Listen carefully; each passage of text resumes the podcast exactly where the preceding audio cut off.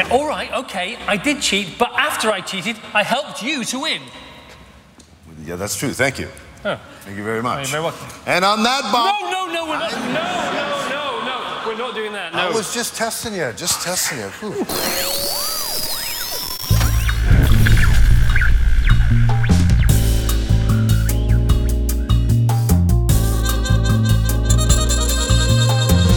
De Zeepkast. Opgenomen dinsdag 31 mei 2016. Welkom allemaal weer bij eh, de Zeepkast, aflevering 15 ondertussen. Jouw bron voor al je science, technology en popculture nieuws. Naast mij eh, zit wederom David. En naast mij zit Sander. Hoe is die? Ja, wel relaxed. Nou, dus nou, relaxed. Ik ben nu relaxed. Ik heb best wel een intensieve periode achter de rug. Ja, hoe was je albumrelease? Want we hebben hem vorige keer gepitcht natuurlijk. Er is niemand van de Zeepkast luisteraars. EP-release, ja. Ja.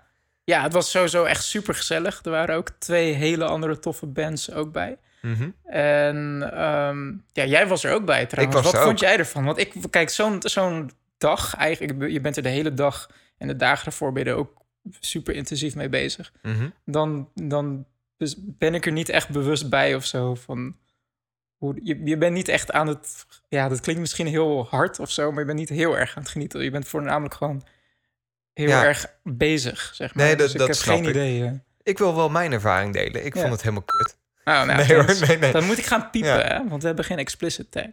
Ah, ja, dat luistert toch niemand. Oh, oké. Nee, ik vond het heel vet. Ik vond het, eh, het is eh, echt een act. En dat vind ik heel leuk. Jullie staan op het podium en jullie zijn echt, ja, bij een gebrek aan een beter woord verkleed. Zeg maar. Jullie zijn echt wel eh, een, een act met lenzen in en helemaal freaky. En ik zou je niet laten op, op straat tegen willen komen, zeg maar, in die verschijning, die maar hoedanigheid. dat is helemaal niet de bedoeling. We zijn. eh, we, we willen geen horror act zijn of zo. Nee, nee, nee. Dat, nee, zo doe ik het nu misschien overkomen. Maar zou jij niet schrikken als je jezelf in die hoedanigheid s'nachts om twee uur s'nachts ergens tegen zou komen? Dan vraag je aan mij. Ja.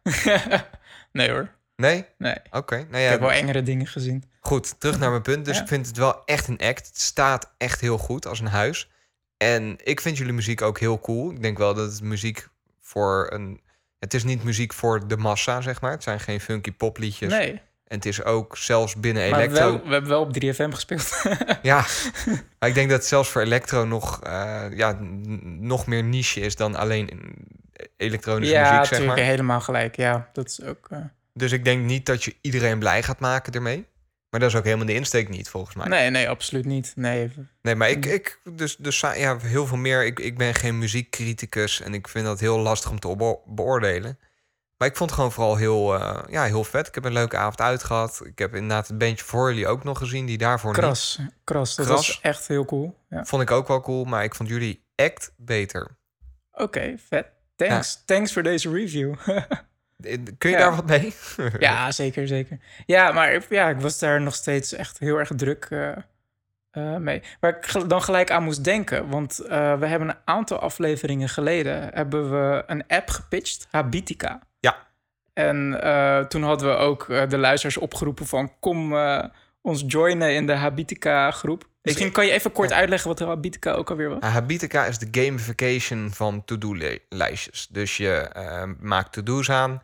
En als je een to-do gedaan hebt, dan krijg je daar XP voor. En dan wordt je mannetje een soort World of Warcraft. Maar dan met als doel dat je je to-do's, je gewoontes, goede en slechte gewoontes. En je dailies, dus je dagelijkse taken. Gaat, ja. ja, gaat structureren en ook gaat doen. En daar een incentive aan hangt eigenlijk. Ja. Dat is een heel goede sales pitch die ik nu volgens mij hou. Maar Ja, dat, is, zeker. dat is Habitica en een notendop.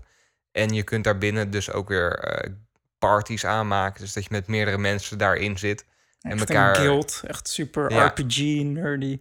eh, dat je elkaar daar ook, dat je met z'n allen dingen kunt gaan doen. Quests. Dat houdt gewoon in dat je heel veel tasks met z'n allen moet doen. En dan krijg je allemaal iets. Ja. En we hebben Ja. nu dus een, eh, een guild. Met eh, Ja, de jou, Zeepkast David, Guild, ja. ik en Nog een luisteraar, Jasper. Jasper. Ja. Shout-out naar Jasper. ja.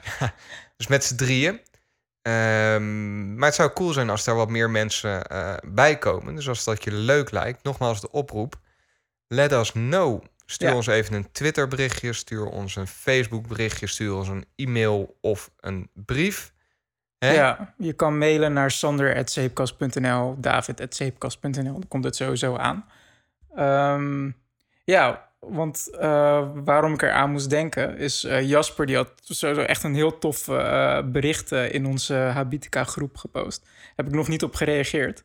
Maar ehm, eh, ja, het viel hem natuurlijk ook op dat ik niet meer echt actief was eh, in Habitica. Mhm. En ehm, ja, dat komt dus omdat ik de afgelopen weken gewoon echt mega swamped was met dingen te doen. En, Dat, dan- dat, en dan dat denk is wel je, grappig. ja, maar dan denk je ja. dus juist van ja, daar, daar hoort Habitica juist Ja. bij. Maar dan kom je er dus achter dat ik Habitica toch op een andere manier gebruikte.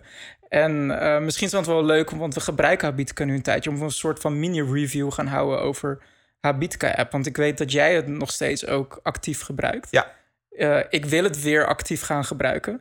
Maar ka- kan je er misschien wat eh, over vertellen hoe wat Habitica eh, de afgelopen maanden, hoe dat voor jou gewerkt heeft? En wat je er tof aan vindt, wat je er minder tof aan vindt?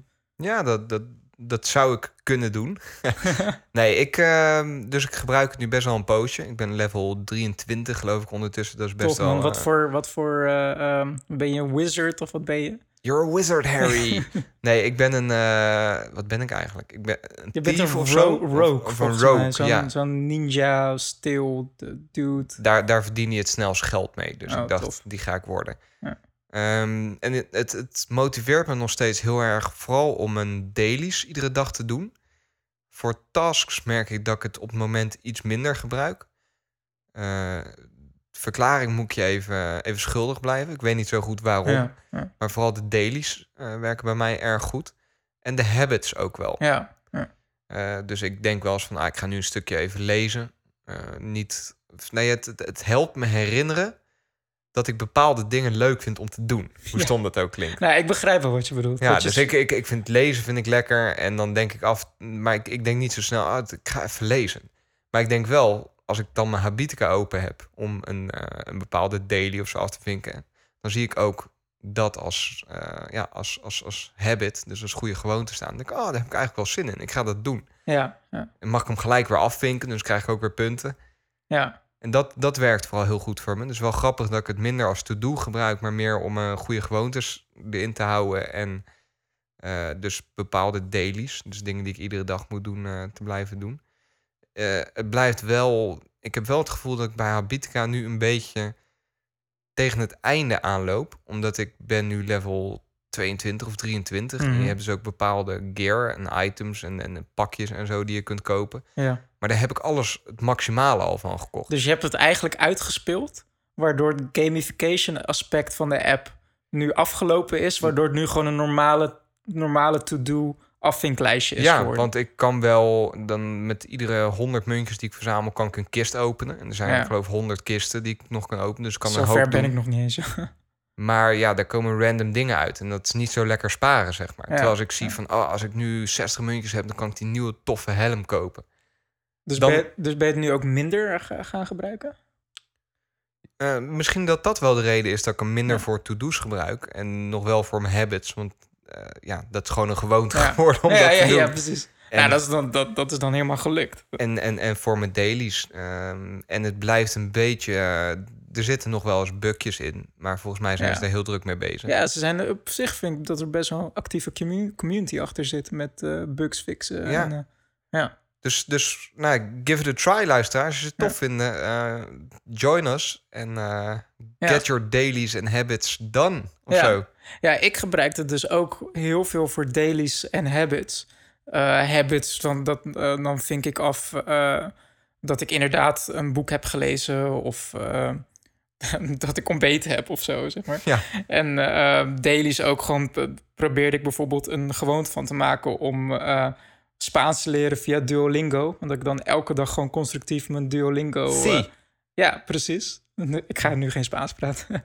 Eh, om Duolingo te Maar doen. j- jij kan wel Spaans, hè? Ja, ik kan wel Spaans. Ja. Maar ik ga nog steeds geen Spaans praten nu. Jammer. Ja. Abuela, dat is oma. Ja. Ja. En wat is opa dan? Ehm, abuelo. Ja, Ja? ik vind het zo apart aan, aan Spaans en andere Latijnse talen. Van dat, dat, dat mannelijk en vrouwelijk als Nederlanders vind ik. Ik vind het zo lastig. Ik ben sowieso als, slecht in talen, maar goed. Ja. Anyway, sidetrack. Dus daar gebruikte ik het heel, voor, heel veel voor. Voor dat soort dingen. Om, om, om mezelf bij te houden dat ik bepaalde eh, eh, taken bleef doen elke dag of om de dag. Ehm, en inderdaad ook, ook een soort van bij te houden oh, de leuke dingen. Zeg dat als je momenten van pff, ik, ik weet echt even niet wat ik moet doen, ik verveel me. Dat, je dan, dat je dan uit gewoonte ook Habitica opende en checkt, oh ja, misschien kan ik dat even gaan doen of zo. Ja, Het klinkt heel stom inderdaad, maar toch werkte het ook voor mij. En ook gewoon dat, dat, dat je zo'n zo'n experience bar ziet lopen eh, om te levelen. Ik, ik ben opgegroeid met Final Fantasy. Nou, dat, dat, eh, dat werkt gewoon als een trein voor mij. ja hè? Nou ja, alleen de afgelopen, ja, nu zeker wel meer dan een maand, was ik zo druk met, met Dat je allerlei- geen tijd had om je habitica bij te houden. Eigenlijk. Ja, dat ik, gewoon, dat ik gewoon geen energie meer had om bijvoorbeeld Duolingo op te starten met Spaans. En op een gegeven moment loop je daar dan zo ver mee achter dat je dan gewoon met alles eigenlijk een beetje kapt. Ja, ik snap Van, ja, weet je wat, ik, eh, ik pauzeer de app, want dat kan dus in de app. Je kan het, de, je prog- progressie pauzeren. Dat je zegt van ja, als ik dit en dit en dit allemaal niet meer bij ben, dan, dan hoef ik het allemaal eigenlijk niet meer echt streng bij te houden. Ja. Ik merk wel dat bepaalde gewoontes die ik elke dag afvinkte in de app, dat ik dat wel bleef doen. dat die erin gesleten dat die zijn. erin gesleten zijn, inderdaad. Maar dat ik dan het niet meer afvinkt. Omdat ik het gewoon de nut, het nut niet meer zag van... als ik dit en dit niet afvink, dan, kan ik, nou ja, dan hoef ik het gewoon niet meer bij te houden. Maar ik ben nog steeds wel enthousiast over de app. En ik wil het wel weer gaan gebruiken. Omdat ik nu alweer... eh, ik zit, ben nu wel weer even over een bergtop heen, als het ware. Ja. Eh, dat ik nu wel weer Dus- even opnieuw kan beginnen met... Maar de, de zeepkast is nu ook, eh, ook gelijk jouw stok achter de deur. Hè? Want je vertelt het nu niet alleen tegen mij, maar ook tegen alle luisteraars... dat jij dit weer actief Ja. gaat gebruiken. Kijk, als niemand in onze Habitica Guild gaat zitten, ja, dan... eh, En dat je Spaans gaat leren. Oh ja, dan... Zie. Ja. maar hoe willen ze dat checken dan? Dat, ah, dat ga ik voor ze bijhouden. Dan ga ik gewoon af en toe ga ik, eh, ineens tussen de podcast doorvragen... wat is appel? Ja. Manzana. Ja. Ja, hè? manzana. Manzana. Manzana. nee, maar helemaal top. Dus eh, ja, ik ga Habitica weer, weer eh, gebruiken. Ik ben heel benieuwd of inderdaad, als ik het ook tussen haakjes uit ga spelen... of ik het dan ook vol blijf houden. En dat het echt de gamification is, dat, dat levelen wat het, wat het hem doet. Ja. Dus eh, dat. Dus ja, super bedankt voor je berichtje, Jasper. En oh ja, nog, nog één ding. Vertel. Ik moet even een rectificatie doen, man. Vertel. Want ehm, ook heel vet, Jasper vertelde ook dat hij door onze vorige aflevering... dat hij het boek eh The Age of Cryptocurrency is gaan lezen. Ja. Nog steeds een super vet boek. En toen haalde ik ook het voorbeeld aan van, van eh, ehm, zo'n community in Micronesië... Die, die ook met een soort eh, eh, ehm, decentralized ledger... dus dat, dat iedereen bijhield wie wat heeft en zo. Nou, nog voordat ik dat berichtje van Jasper las... want die heeft dat boek dus ook gelezen... Mhm. Ehm, toen heb ik, op een ging ik weer verder lezen en kwam dat voorbeeld weer voor. voor. En toen zat ik het weer te lezen en ik dacht van, hè, wacht even. Dat voorbeeld is super hypothetical. Het is gewoon, het is niet echt. Het is, Het is fictief. het is fictief. Het is een Oh, example. Dat is dus het nadeel van veel te snel lezen. Dat je gewoon zo hard door een boek heen gaat dat je dat, je dat soort details mist, zeg maar. Maar dat geeft toch ook helemaal... Het zou toch Het een veel, mo- veel mooier verhaal, zijn als, als dat echt zo was. Dus nee, dit is geen rectificatie. Het was zo. Punt. ja we- bluffen er ook, ons Ja, ook joh. gewoon doorheen. hè. Dat Dus moet af en toe kunnen, ja. toch? Maar Ja. ik las het en ik dacht van, oh nee, dit is... ah, ik had het helemaal verkeerd geïnterpreteerd. En eh, eh, toen las ik dus dat berichtje van, van eh, Jasper op Habitica. En dacht ik van, oh... Want hij had, het- hij had het dus ook... Hij wees jou erop. Ja. hij wees me erop. En ik Ja. dacht van, ah, door de mand gevallen. Ja. Maar dus bij deze even een hey, maar nu we het toch over, over eh, vorige aflevering hebben... toen hebben we Bitcoin uitgebreid besproken. Ook gezegd dat we deze aflevering technisch dieper op in zouden gaan. Of heb je dat eruit geknipt uiteindelijk? Eh, heb ik er niet uitgeknipt. Maar... ehm, Dat is misschien niet zo'n goed idee, bedacht ik me later. ja, ik weet niet of onze luisteraars helemaal zitten te wachten op een uitleg van hoe hashes werken en hoe cryptografie werkt. En ja, nee, maar dat... dat dus, dus, ik weet niet, ik ga dit er denk ik uitknippen hoor. Maar... ehm, ik was bezig met bruggetje Oh, te ja, maken. David. Come on, niet knippen. Nee. Overnieuw, overnieuw, overnieuw, overnieuw. nee, dit laten we gewoon in. Je gaat hier gewoon niet in knippen. Oké. Want dus eh, Bitcoin, helemaal verteld. En jij vertelde van dat boek over cryptocurrency The en Age zo. of Cryptocurrency. Ja, en eh, er heeft daar schijnbaar iemand aan meegeschreven ook.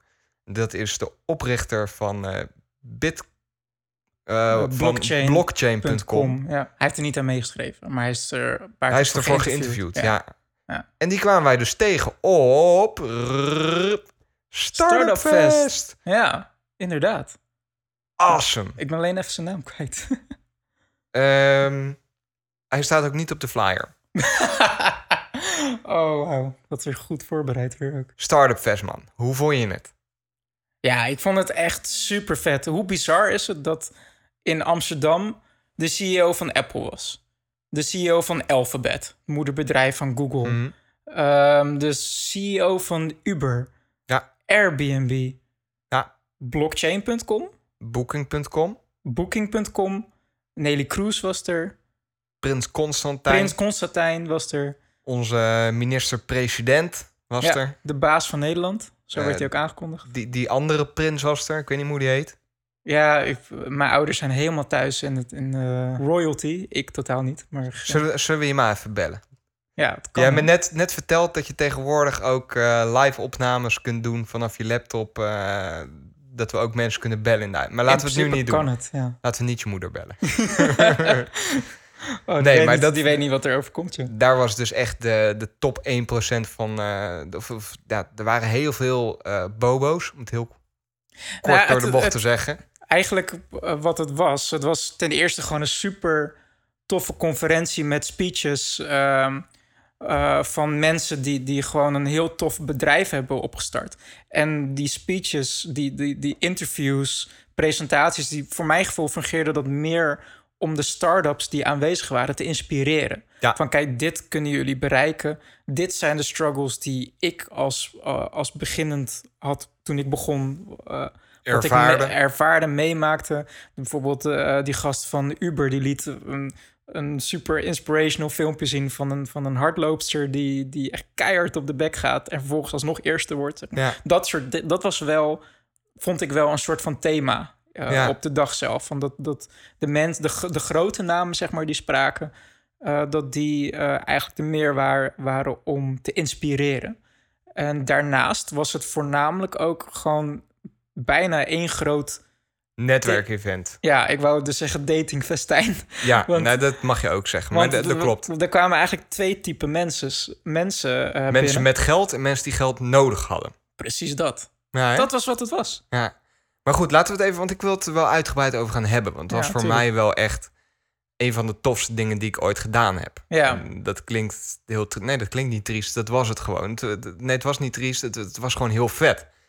Ja, ik vond, ja, ik weet niet of het vetste ding is ook ooit gedaan heb. Nee, maar dat was zeg ik wel niet, maar één ik, van. vond het gewoon, ik vond het gewoon een mega interessante wereld gewoon. Als je, als je Ja. daar rondloopt en de gesprekken hoort en de soort mensen die er rondlopen, eh, dan, eh, voor, ik weet niet, voor, voor mij was het echt zoiets van, wauw, dit is wel echt ehm, alsof je in, bijna op bezoek gaat op een andere planeet of zo. Nou, dat- dat Misschien had ik dus ook heel dan, erg. Maar, Misschien moeten we een beetje een beeld schetsen ook. Ja. Zodat onze, onze luisteraars een beetje meegenomen worden naar Startup Fest. ja. Maar wij kwamen daar... eh, ik, ik, we we hadden perskaarten ontvangen. Dus eh, we waren daar als pers, eh, pers naartoe gegaan. Ja. Betekent dat we ook iets eerder aanwezig... Alleen onze collega's van de NOS die wisten niet wie we waren. Nee. Was Kun je dat nog vertellen?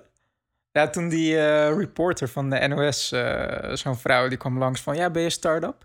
Eh, nee. Oh. Maar, en we hadden allemaal van die naamkaartjes Ja. en er stond gigantisch de zeepkast op.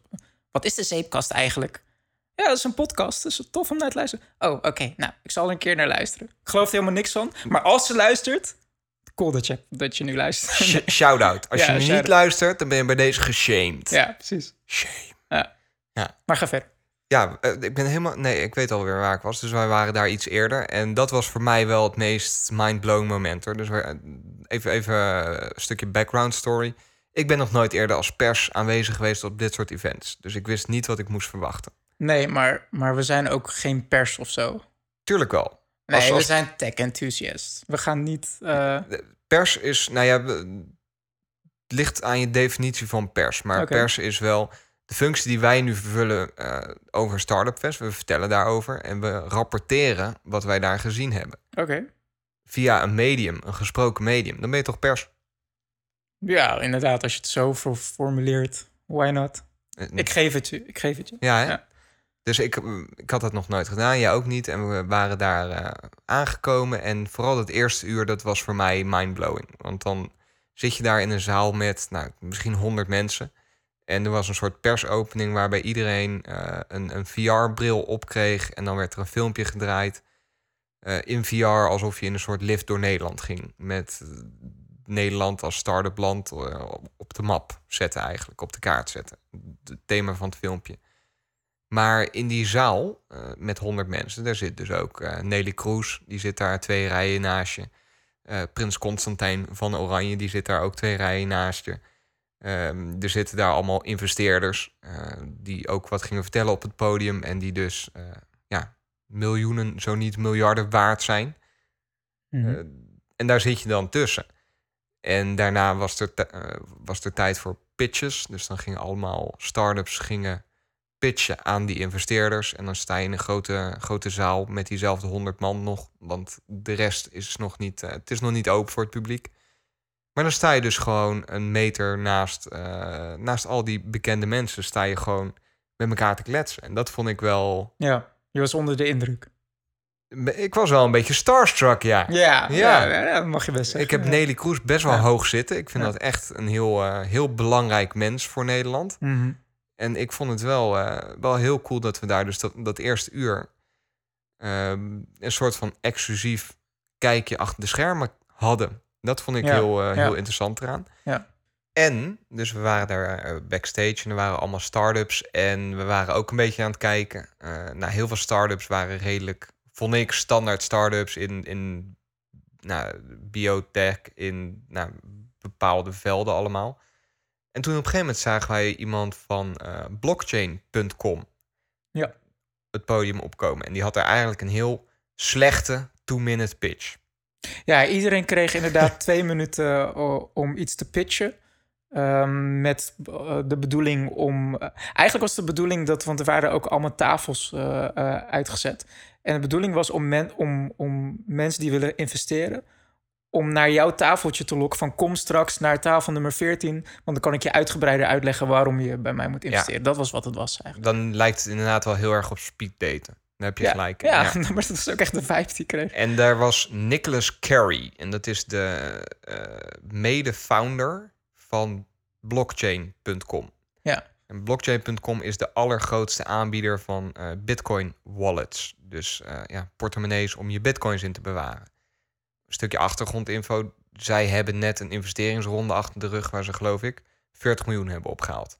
Zou kunnen, geen idee. Ja, dat zat te vertellen. En die ging daar ook even pitchen. En eigenlijk zijn pitch bestond uit twee zinnen van... jongens, leuk dat ik hier mag zijn. Ik heb eigenlijk geen geld nodig, maar ik ben hier om wat te netwerken. En hij had een petje op, waar gewoon blockchain Oh op ja, stond. dat zei hij inderdaad. hij was hè? de Ja. enige man met een petje op daar. Ja, En ja. eh, dat was zijn pitch. Maar hij was wel van blockchain.com. En wij hebben het daar vorige aflevering uitgebreid over gehad. ja, Dus die moesten we even aan zijn jasje trekken. zeker, zeker. Dus daar hebben we, hebben we even een, eh, een kort interview mee gehouden. Insteek van het interview is... eh, nou, je gaat het eigenlijk allemaal horen. Want we gaan hem er nu tussen editen. Uh, so I'm with Nicholas here from blockchain.com.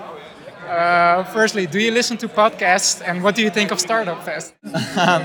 Uh, I have not had as much time as I used to to uh, to listen to podcasts, but I also don't own a television or a car, and I, I don't spend time um, on uh, on digital consumption of, of uh, news like that. Actually, surprisingly, um, so I get most of my news from uh, from Reddit, from Twitter, um, and then from uh, reading books, uh, which is the old way of doing things a little bit. We also have a podcast that we talk about books, so that's uh, yeah, yeah. What's the best book you read this year?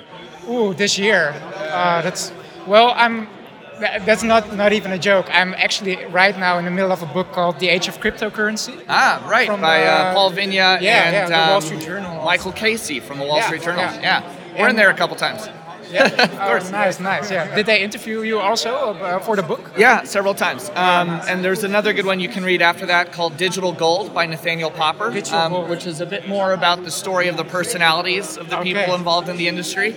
And I think between the two of them, you get a really good overview of, Nice. uh, of what's going on. But uh, it's definitely one of the most interesting and exciting innovations.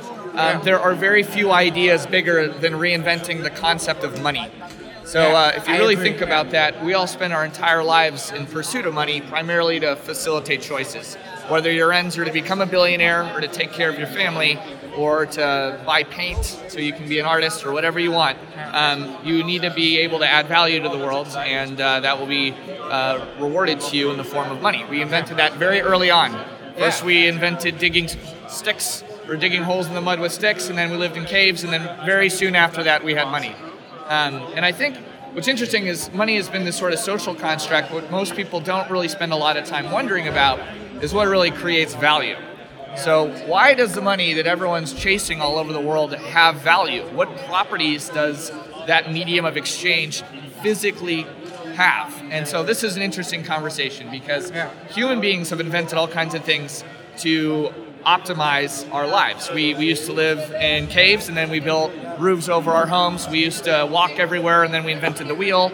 We can invent cars, we can invent space shuttles. So why can't we invent a better form of money? Yeah, exactly. So for the age of the internet and for the future, you know, how would you want your money to behave? Like, what do you want out of your money? And so I think it's kind of interesting to reflect a bit about that. And uh, digital currencies present a really innovative way of having new types of money. So they're a store of value, they are tokens, they have some properties that make them quite useful. And let me describe it. So if you wanted to invent the best form of money ever, you need your money to be counterfeit proof so that you Yeah. can't just Xerox more of it, have more and more and more of it every single year. spending. Sure, and the problem of double spending. Um, so your money needs to be uh, counterfeit proof. Your money needs to be fungible. Um, it needs to be divisible. So one piece should look like another, and you should be able to uh, break it into smaller pieces. Um, that's why gold is not a very great form of money because it's inconvenient to uh, settle a, a small amount of it. Um, and then you know, uh, you probably in the age of the internet need your money to be digital, so you can send it anywhere in the world instantly, basically for free.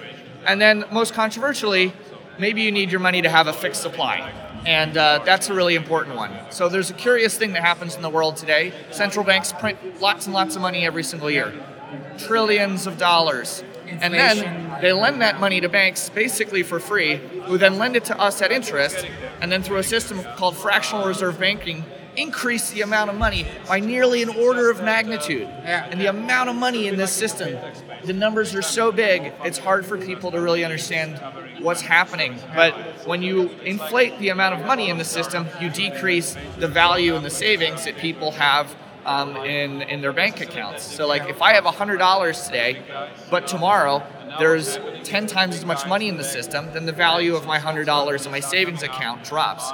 And this has been happening for a long time. Um, economists in the 19th uh, century and 20th century decided it was a good idea to increase GDPs around the world.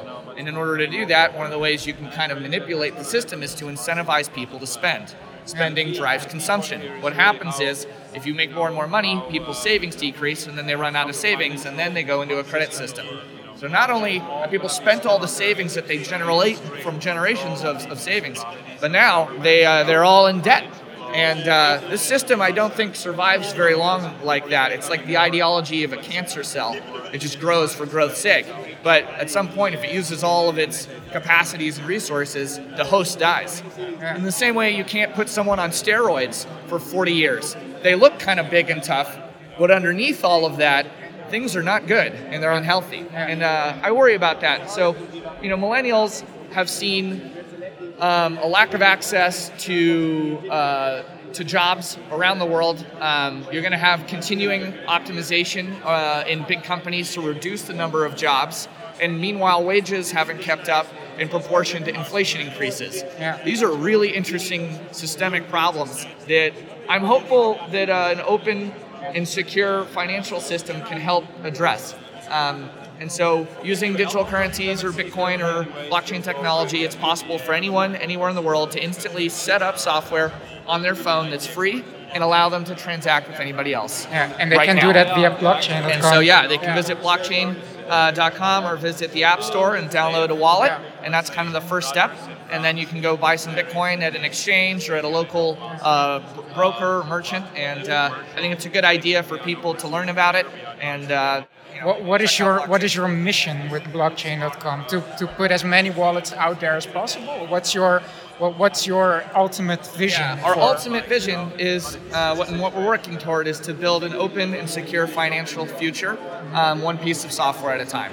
And so we are deliberately trying to replace your bank with software that lets you use a trustless system. And so no more need for intermediaries. Just like I can send an email to anybody in the world by pressing a picture of your face, I should be able to do the same thing for money. You use an interesting word, trust the system, because that's something that really fascinates me. Also, well, in reading the book, and money is trust. Yep. And how do you see that the, the, the general public that doesn't have a lot of technical uh, knowledge, how to, to convey the trust? Do you see that also as your job, or do you tr- do you hope that uh, trust will emerge in people using it? Um, I think there are three forces at work. One is a deteriorating level of trust in the existing system. Two is yeah. that it is important for us to, to come to conferences like this and talk about what we're doing and put a face to the technology in the same way that you know maybe BitTorrent or things like that were kind of scary for some people, but actually what are they doing? They're just sharing data. Um, I think that Bitcoin can be really intimidating, but at the end of the day, it's incumbent on people like me and firms in our industry to just build a better software experience. Most people don't really care or need to worry about how something works under the covers. Yeah. Individually, people don't really know how email works or how t- telephony or voice over IP works, but they understand the utility of it and the value of it. So if we can make things more affordable and more convenient and faster, how that's actually functioning is less important than the feeling it derives from the user experience. It just has to work. It just has to work. Exactly. Beetje jammer van eh, die vrouw op het einde. Ja, die ging er ineens doorheen staan schreeuwen. Ja. Dus dat was het interview met, met Nicolas Cage. Nee, Dat was echt een oprechte fout die maakte. ik, ik, ik heb er een handje van de laatste tijd. Nicolas Carey heet hij, dus het lijkt er ook op. Het lijkt erop. Ah, het, het had echt zo'n toffe grap kunnen zijn. Maar wat voor mij gewoon heel grappig was, dat ik jouw gezicht zag. Dat je gewoon bloedserieus was. Gewoon prachtig. Dat, dat was een interview met Nicolas Carey. Wat heet hier, David? Ehm, nou ja, eh, super interessant. En hij vertelt in feite, eh, volgens mij, wat wij vorige aflevering ook een beetje verteld hebben, maar dan. eh, Ja, hij, hij hield gewoon een mega sales pitch voor, Bitco eh, voor blockchain.com. ja. Van ja, ga naar de App Store en download de app. En ik, ik vond, nou, hij maakte op een gegeven moment een opsomming over drie punten hoe mensen dan trust in het systeem konden krijgen, maar hij Hmm. zei er maar twee. Ja, maar het kwam omdat die, die vrouw op het einde begon te blaren. ik ben en wel we heel benieuwd, een beetje eh, afsluiten. ja. heel benieuwd wat de Ja. derde dan is. Maar het is wel heel interessant wat hij dus allemaal aangeeft. Dat hij zegt eh, dat ons huidige systeem, eh, money systeem, eigenlijk te vergelijken is met een cancercel. Mhm. Ik merk wel dat hij heel erg volgens mij ook vanuit een Amerikaanse visie praat. ja. Volgens mij hebben wij hier in Nederland een veel beter systeem qua geld dan in Amerika. Ja, Amerika is denk ik wel echt een culture of depth. Zeg ja, maar. dus is een country in je, debt. Ja, je, je, je, studeert af en je hebt al echt al een mega, mega schulden. Ja, en, en kun je één, Maar- één creditcard niet meer betalen. Of is die maxed out? Dan bestel je een andere creditcard Klopt, om die eerste klopt. creditcard weer af te betalen. Dat hebben we in Nederland minder. Maar minder, goed, minder, maar het is nog steeds... eh, het, het, het op zich wat hij zegt, een probleem wat, wat wereldwijd overal bestaat, is het probleem van inflatie. Je Mhm. kunt geen, of, of geen long-term savings opbouwen. Je kan niet zeggen, ik ga nu ga ik al mijn geld apart zetten en dan hebben ze er over twee generaties ook nog iets aan. Ja, precies. Ja, maar dat is ook geld moet rollen. Hè? Dus eh, Geld is inflatie is Ja. ook weer eh, een soort van mechanisme om mensen maar te laten consumeren. Ook. En, en daar heeft hij wel gelijk in. Want dat betekent, dus daar trekt hij de vergelijking dan met een cancercel. Of een, ja, een, een, een, een gast aan de steroïden. Dat kan maar groeien tot een bepaald punt, totdat Ja. het misgaat. Ja. Ehm, en dat, nou ja, dat is zeker interessant om er zo naar te kijken. En daar heeft hij wel een Ja. punt. Ja. En Bitcoin kan daar een oplossing voor zijn. En Ja. dat is wel een van de redenen om dat heel erg in de gaten te houden. En dat vond ik het meest, een een van de meest interessante dingen in zijn verhaal. Hoe hij heel helder weet uit te leggen waarom dat dan zo nodig is. Ja. En ik vond het wel interessant om hem inderdaad te horen vertellen van ja, hoe moeten mensen nou vertrouwen in het systeem krijgen? Ja, daar was ik eigenlijk het meest nieuwsgierige naar, inderdaad. En op zich is het interessant wat hij zegt. Want hij zegt dus, nou ja, wij, het is onze taak, dus eh, bl- eh, blockchain.com's taak, eh, om software te schrijven wat gewoon Mhm. werkt. En als het, als het werkt en, de, en de, de normale man op straat hoeft dan niet te weten hoe dat technisch helemaal werkt met hashes en noem het maar op, dan, dan gaan ze erin vertrouwen eh, dat ze inderdaad gewoon met Bitcoin eh, hun, hun dagelijks leven kunnen Ja. voorzien, zeg maar, zonder D- dat een optie is tot precies als, als, als en, en, betaalmiddel. en dat ze erop kunnen vertrouwen dat het werkt. Ja. En ehm, ja, dat, dat, dat, daar heeft hij gewoon een punt. En dat, dat ze dus als taak hebben om eh, one software at a time, dus gewoon soft, robuuste software te schrijven, wat gebruiksvriendelijk is, neem ik aan, en gewoon makkelijk te verkrijgen is. En dat het functioneert. Ja, nou ja, ik, ik ben dus gelijk daarna ook even een beetje gaan spelen met, eh, met Bitcoin en met, eh, Met de app van, van hun ook. met, Of- ja. met hun app inderdaad. Ik heb mijn wallet aangemaakt. ehm, ben er wat mee bezig geweest. Eh, ik blijf het wel iets onvatbaars vinden Ja, hebben, dat hoor. vind ik dus ook. Dat er toch. Wat, wat, wat ik er lastig aan vind, is dat ik... ik heb bij currencies, dus huidige betaalsystemen... weet ik gewoon wat iets waard is. En Dat kan met een bitcoin kan ik dat heel slecht inschatten. Dus ik heb voor Maar dat 35... is, is dat niet gewoon een kwestie van gewenning?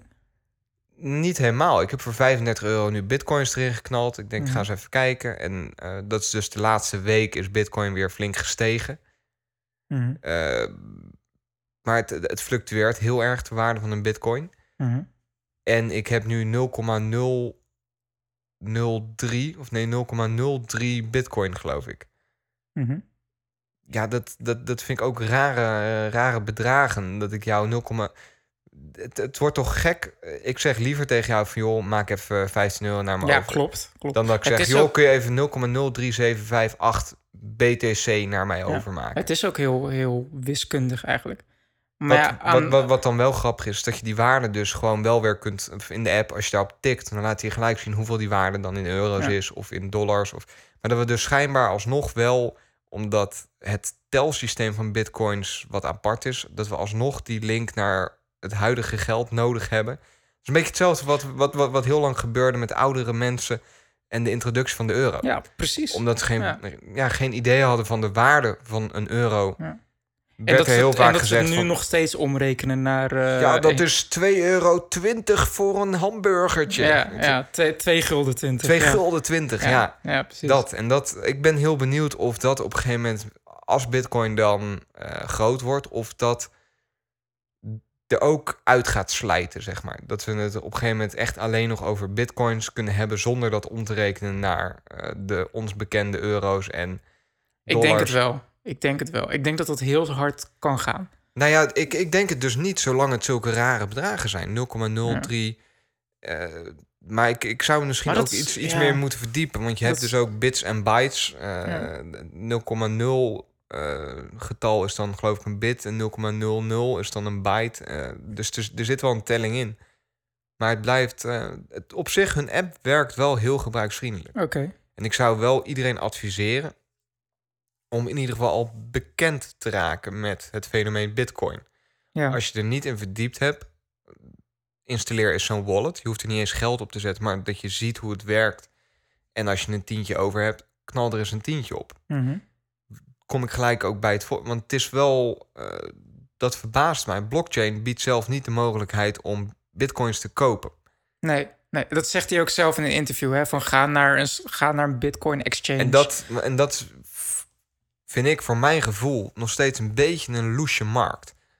De markt tot het Mhm. kopen van bitcoins. Want er zijn Ja. wel aanbieders. Ja. Maar ik heb het gevoel dat ik heel veel geld misloop. Waar heb jij het, je bitcoins gekocht? Oeh, dan moet ik even kijken, want ik heb dat wel in mijn e-mail nog Want staan. volgens mij is op dit moment een van de gro- grootste is Coinbase, als ik me niet vergis. Volgens mij is Coinbase is meer een trading platform. Dus tussen andere digital currencies. Dus je hebt eh, Bitcoin, Ethereum, eh, Ja, ja. Dogecoin, eh, Litecoin. Litecoin. Ja. Nee, waar ik het dus aangeschaft heb, is bij Bitonic. Heet dat. En de reden daarvoor is dat zij de mogelijkheid tot ideal betaling geven. Maar ik blijf het heel onoverzichtelijk vinden, omdat ik het gevoel heb dat ik... Ik, ik zou keihard genaaid kunnen worden. Dat, dat is maar Dat- de dat- helft van dat, de waarde eh, van mijn, van mijn geld in bitcoins. Want ik heb Ja. geen idee Ja, wat ik nou aan de... En ik, ja, misschien ben ik zelf ook dan te naïef daarin, maar... Het, het is een lastige markt nog hoor. Het is echt wel... Ja, en dat is dus eigenlijk ook waar ik hoopte dat hij er ook wat meer op kon, kon vertrouwen. Want aan de ene kant, ehm, ik ben het met hem eens van inderdaad, eh, eh, de, de manier hoe je het handelt moet, moet heel intuïtief worden. Innovatief. Nee, intuïtief. Dus dat het Oh ja. gewoon, dat het, dat het, eh, Ja, het eh, moet makkelijker is- worden allemaal, ja. Logisch hoe het, hoe het werkt. Dat, dat eh, in principe. ehm, En de ja. app, app zelf werkt op zich prima, hun, hun blockchain app. Ja, maar niet, niet eens dat de app goed werkt, maar dat het ook gewoon, gewoon logisch is voor in iemands mind dat je, dat je het in een app moet zoeken überhaupt. Ik, ik wil gewoon de mogelijkheid hebben bedoel- dat ik bij mijn bank kan zeggen: ik heb nu eh 2000 euro staan. Ik wil 500 euro wil ik in bitcoins. Ja, maar dan, ja, waarom de bank? Want we willen juist een soort van af van de bank. maar en daar wil je eigenlijk dat de bank een soort van een nieuwe rol gaat spelen. Maar nu krijg je allemaal van die, van die vage aanbieders als Bitonic en Klopt. die dan dat voor jou gaan omzetten in bitcoins. Maar dat, ja, volgens mij moet daar een betere oplossing voor zijn. Ja, dan kom je toch weer uit op, op de trust issue. Hè? Want waar jij nu op, op vastloopt. En dat is dan eigenlijk heel ironisch. Want we willen. eh, nou, dat is ook maar de vraag of we willen. Maar eh, de, de, de cryptocurrency enthusiasts. Die, die beloven een soort van oplossing van. Wij hebben hier een systeem. wat je beter kan vertrouwen. Wat je meer kan vertrouwen. dan een bankensysteem. Ben ik met ze eens? Ja, maar dan kom je dus op, op de soort van de paradox. Maar om in dat systeem terecht te komen, moet je toch via een gatekeeper om je huidige currency om Ja. te zetten, waar je dan weer een vertrouwensprobleem mee hebt. Ja, nee, dat, Dat, is toch, dat is toch weird? Dat is volgens mij nu de grootste hobbel en kink in de kabel. Ja, dat het niet makkelijk punt, is om. Bitcoin is op dit moment meer een investeringsplatform dan een betaalplatform. Mensen kopen bitcoins in de hoop dat het omhoog gaat. Ja, maar dat zei ik de vorige afleveringen ook. Ik zie Bitcoin nog steeds als één groot experiment.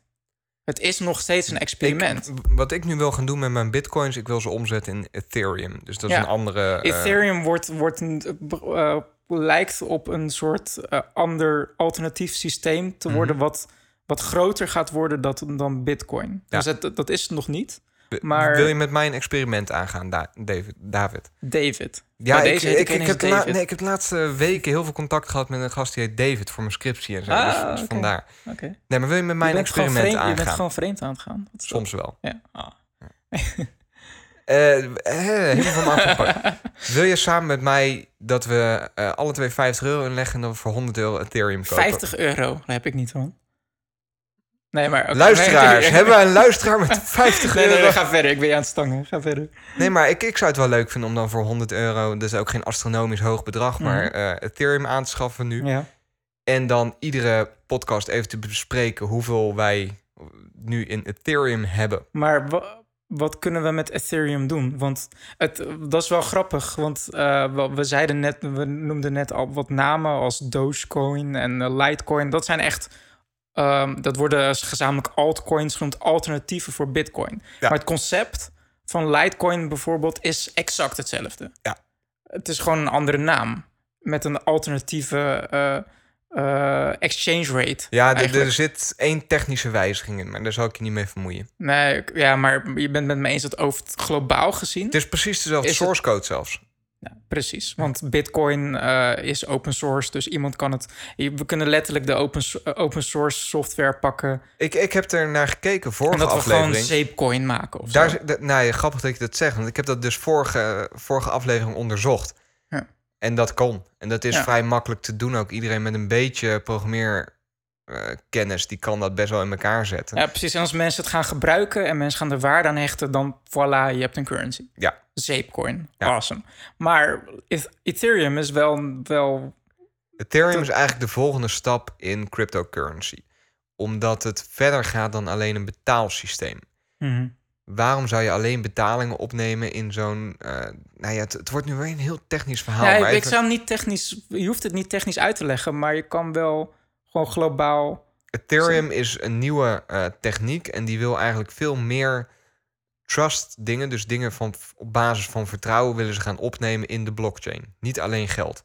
Ja, ze willen in principe, want wat, wat, wat Bitcoin en cryptocurrency heeft gedaan, is eh, de, de bank als middleman eh, eruit halen. De Mhm. vorige aflevering uitgelegd. En nu kan je het dus ook programmen, waardoor je dus ook geen notaris meer nodig hebt die, die bijvoorbeeld eh, goed bijhoudt of een bepaalde eh, geld, eh, afspraak over Mhm. geld, of dat wel verricht wordt, zeg maar. Dus je kan bijvoorbeeld, een, wij kunnen een, een, een afspraak maken. In Ethereum noemen ze dat een contract, een, Mhm. contract. Af, afsluiten van als dit of dat gebeurt, dan moet ik jou 100 ether, eth- ether overmaken. En dan is er gewoon software die dus de notaris vervangt, die dan checkt of, of die bepaalde eh, ehm, ehm, afspraken eh, Nagekomen nagekomen zijn. Ja. En als, als die voorwaarden voldaan zijn, dan wordt dat geld overgemaakt. Dat is eigenlijk een noodop. Trouwens, eh, ik zat toevallig gisteren zat ik de laatste aflevering van de Glitch podcast eh, te luisteren. En en die is daar, van Reinier, hè? Van Peren. ja, en eh, Reinier die legt het daar ook gewoon heel goed uit. Wat, wat Ethereum precies doet en zo. Dus dat is op zich ook wel even een luistertip. Ja. Dus, maar in de notendop is dat wel wat, wat Ethereum wat extra te bieden heeft dan Bitcoin. Programmeerbare currency, dat je als het ware software kan, kan creëren die money transactions regelen. Ja. Op basis van voorwaarden. En ik, ik zie Ethereum, daar zit heel veel rek nog in. Ik Ja. vind het wel leuk om er dan dus 100 euro tegenaan te Ja. knallen en te kijken wat dat gaat doen. Ja, en maar dan moeten we wel ook met, met het Ether wat, wat gaan ondernemen.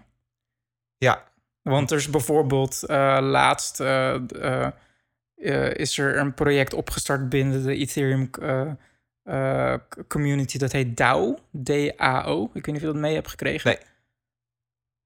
Daar ging... Oh. Nou, dan moet ik even editen. In DAO ga, daar gaat nu iets van 150 miljoen in om.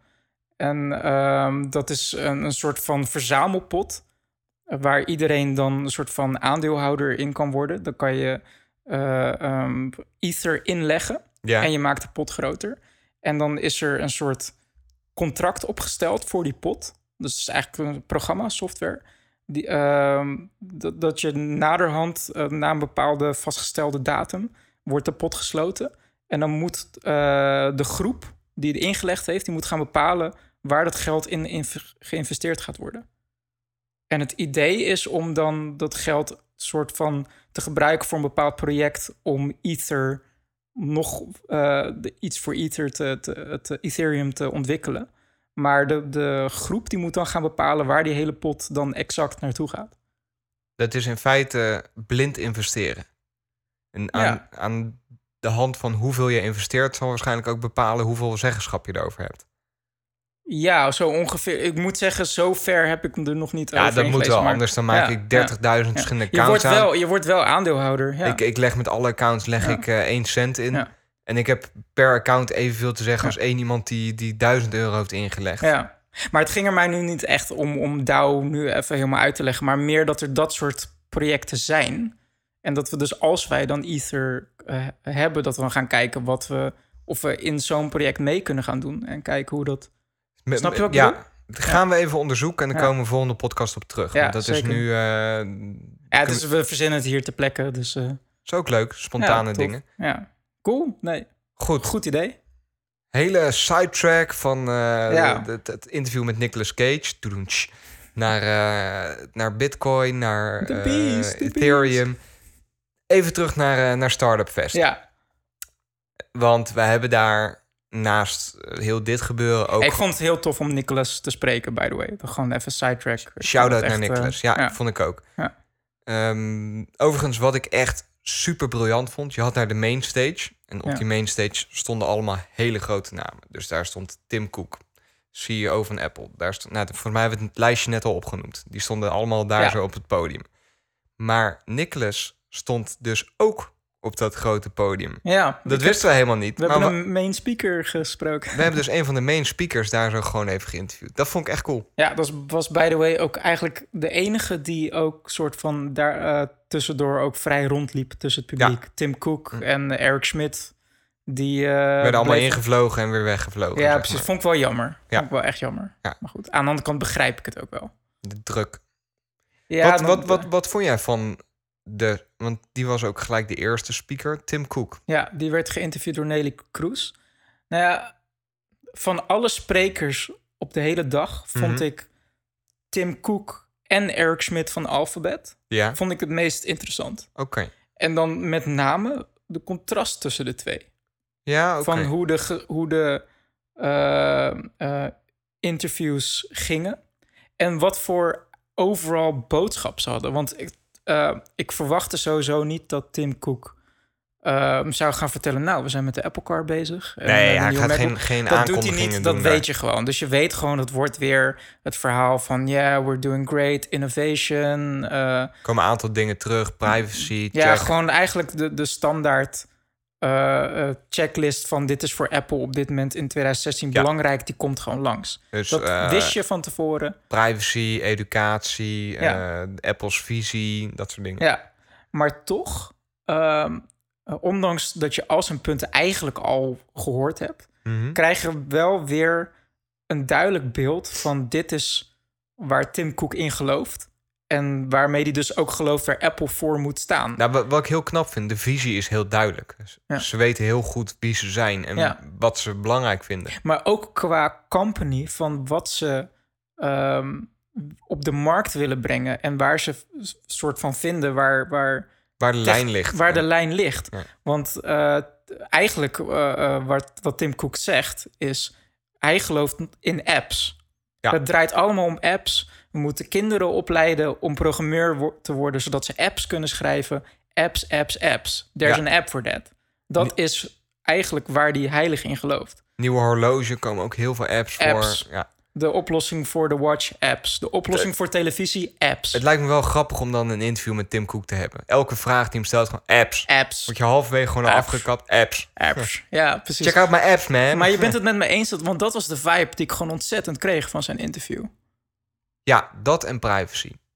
Ja, maar dat was dan meer een soort van, ehm, eh, hoe heet dat? Ehm, actueel ehm, onderwerp voor Apple, omdat Apple daar gewoon, daarmee gewoon ontzettend in de spotlight mee stond. En dat haalde hij ook aan met die San Bernardino Moest, case. moest er iets over zeggen, inderdaad. Zeker. Wat me op zich ook wel verbaasde.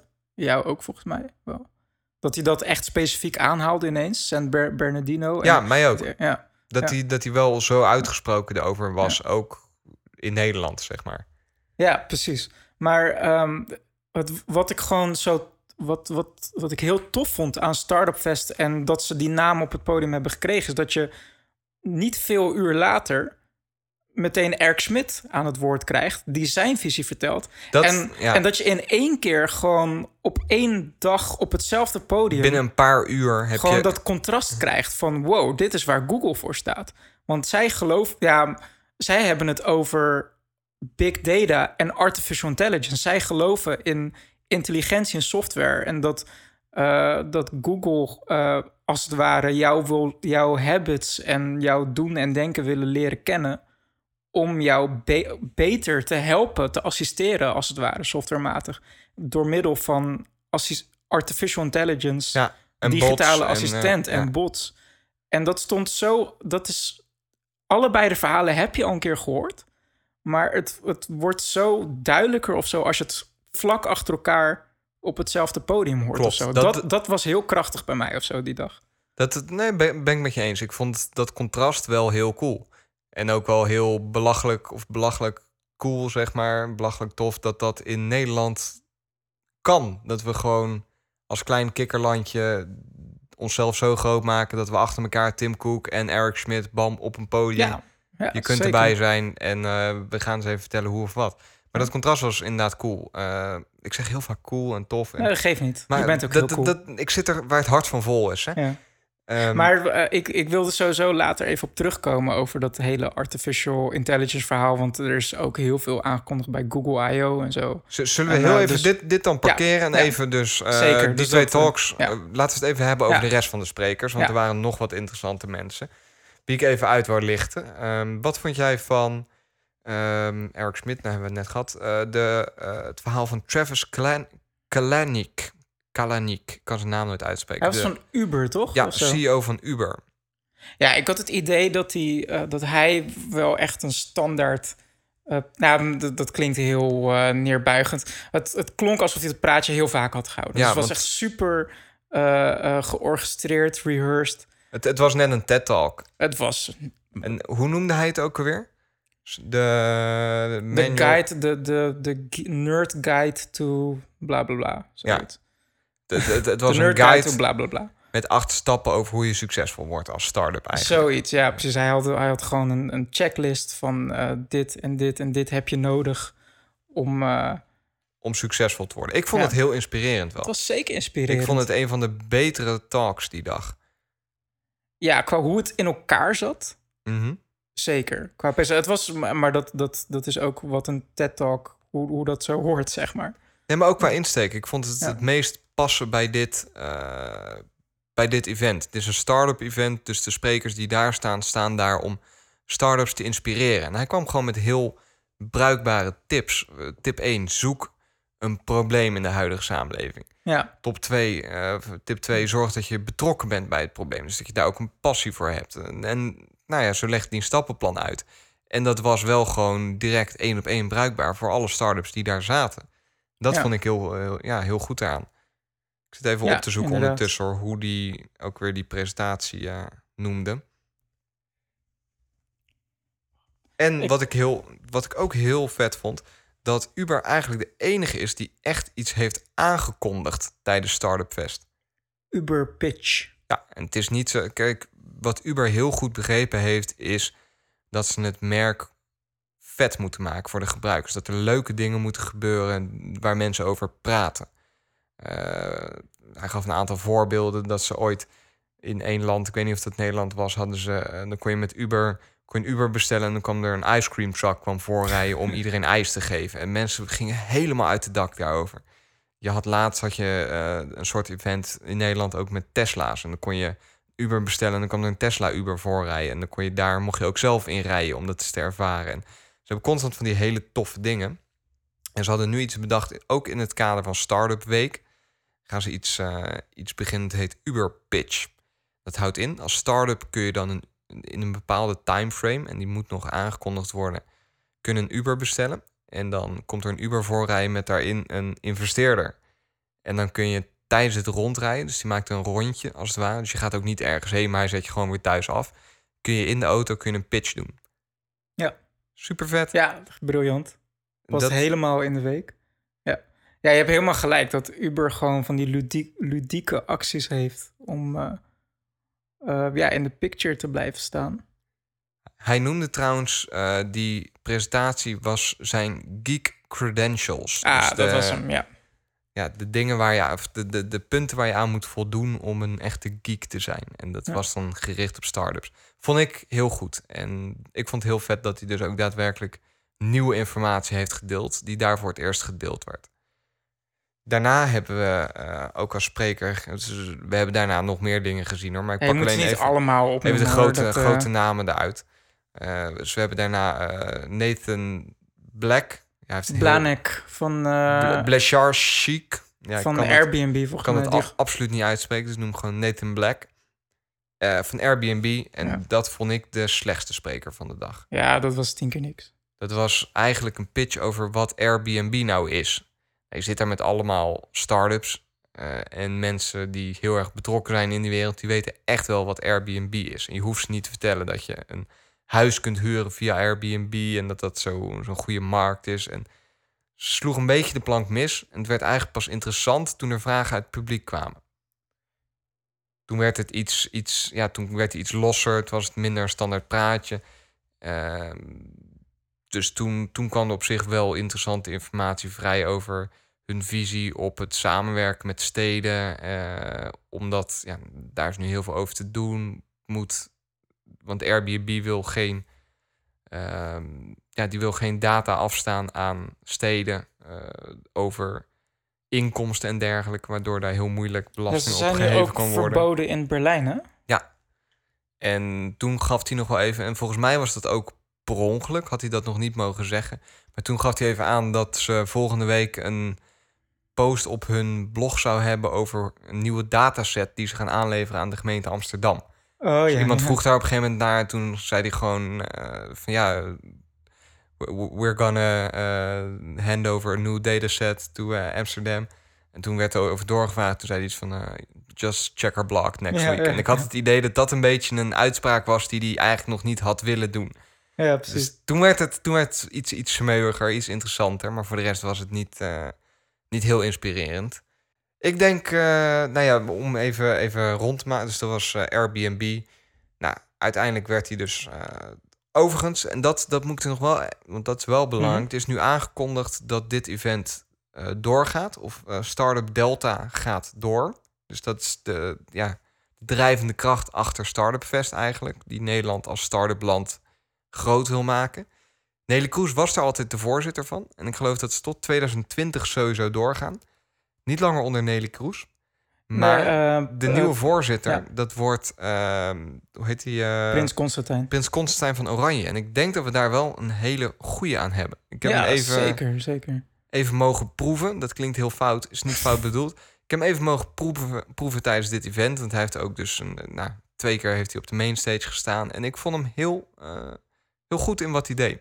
Intelligente man, die wist waar hij het over had. En die ook wel die passie uitstraalde voor Ja. startups en voor deze, deze community. Dus dat, daar gaan we nog een hoop van zien, denk ik. Ja, ik ben eh, heel benieuwd naar eh, in de lange termijn wat voor effect dit gaat hebben. Ik op, de Nederland, Nederlandse start-up eh, wereld, community. Wereld, de Nederlandse wereld. Ja. Ja. On that bombshell zullen we even een pauze inlassen. Oh, wauw, oké.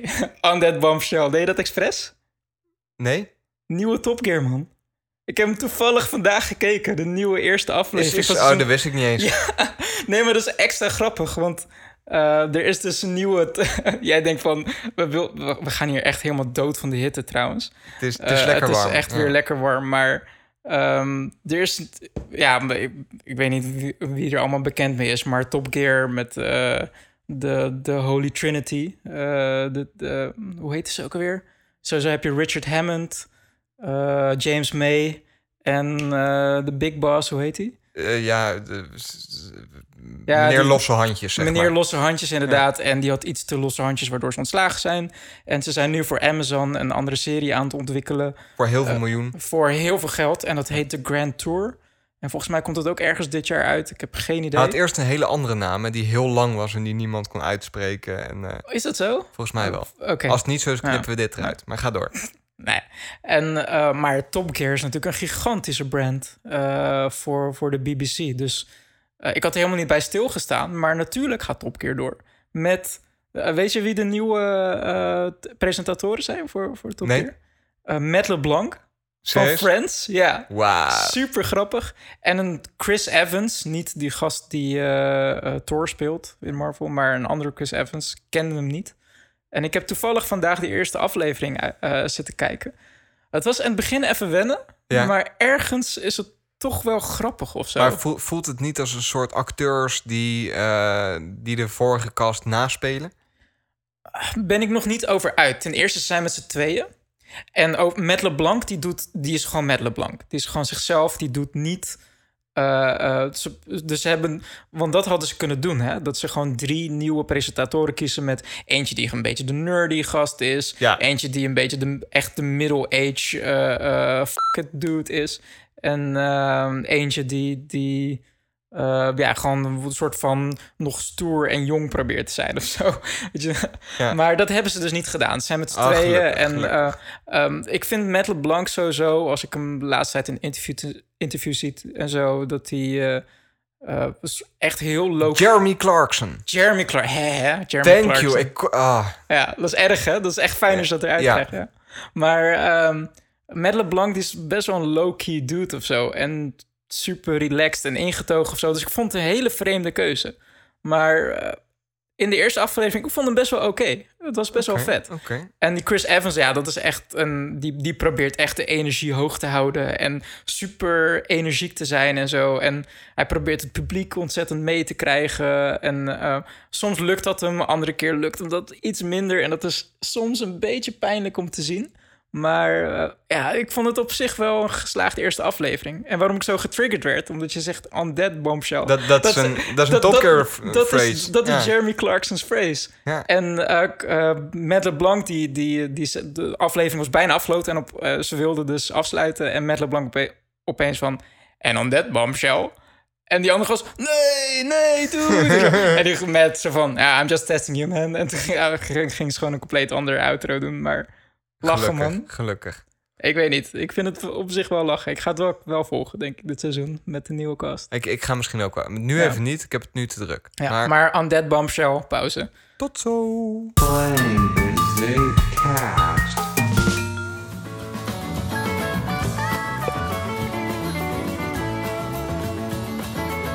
Welkom terug na deze korte onderbreking.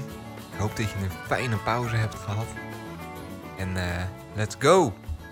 Let's go. We hadden het er net al even over, dat verschil in visie tussen eh, Alphabet, Google en, eh, en Apple. En jij eh, zei het net al, dat dat verschil ook heel erg zit in, in de visie van de twee bedrijven. Ja. En vooral visie op waar het naartoe gaat met de technologiemarkt. Ja. En er zijn daar ook heel veel mensen en eh, specialisten en mensen die vinden dat ze daar wat van moeten vinden. Die zeggen dat eh, ja, er begint een evolutie aan te komen van de techwereld richting artificial intelligence. En daarin kan Apple op dit moment, hoe ze er nu voor staan, wel eens de volgende BlackBerry gaan worden. Ja, nu, nu doe je, doe je eh, rechtstreeks op het artikel wat Marco Arment op zijn blog had gespreken, ges- eh, Ik, geschreven. ik vond het wel, nou Ja. ja, ik, ik, ik Want vind hij trok wel die een, eh, vergelijking inderdaad van dat... een goede hypothese om er gelijk in te gooien. Ja. Van BlackBerry die had zich helemaal gericht op waar de markt op dat moment was. Dus enterprise software en eh, Mhm. telefoons als telefoons en e-mail devices.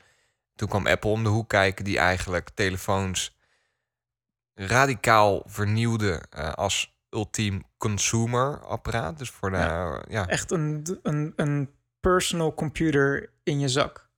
En omdat BlackBerry daar niet al tien jaar mee bezig was, konden ze daar niet in mee. En eh, Ja. En Marco's argument, en Marco Arment is een programmeur die onder andere de podcast-app Overcast heeft geprogrammeerd, die ik zelf ook gebruik, by the way. Uh, maar zijn argument is dus een beetje van. Hij, hij, hij vertelde dus dat verhaal van wat er in het verleden is gebeurd. Dat BlackBerry ontzettend blindsided was door een andere partij, Apple, Ja. die hun markt compleet overhoofd legt. Dat het potentieel ook met Apple zou kunnen gebeuren in de, in de softwaremarkt, in de digitale assistant-markt, communicatiemarkt.